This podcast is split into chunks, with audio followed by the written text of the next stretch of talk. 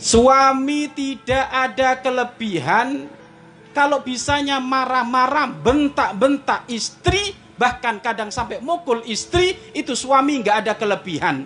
Perempuan itu lembut, paling mudah untuk ditaklukkan hatinya, lah kok digampar.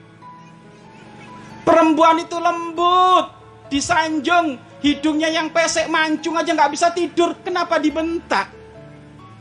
Siapa pun seorang suami yang suka bentak, suami nggak punya kelebihan itu nggak pernah ngaji, nggak pernah kenal Rasulullah Sallallahu Alaihi Wasallam.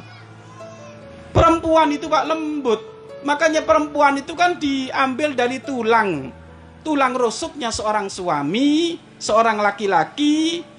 Jika dibiarkan bengkok ya bengkok, kalau agak dikencengin takut patah. Jadi sebenarnya tabiatnya manusia perempuan. Itu lembut, tapi kenapa ada seorang suami kok bentak,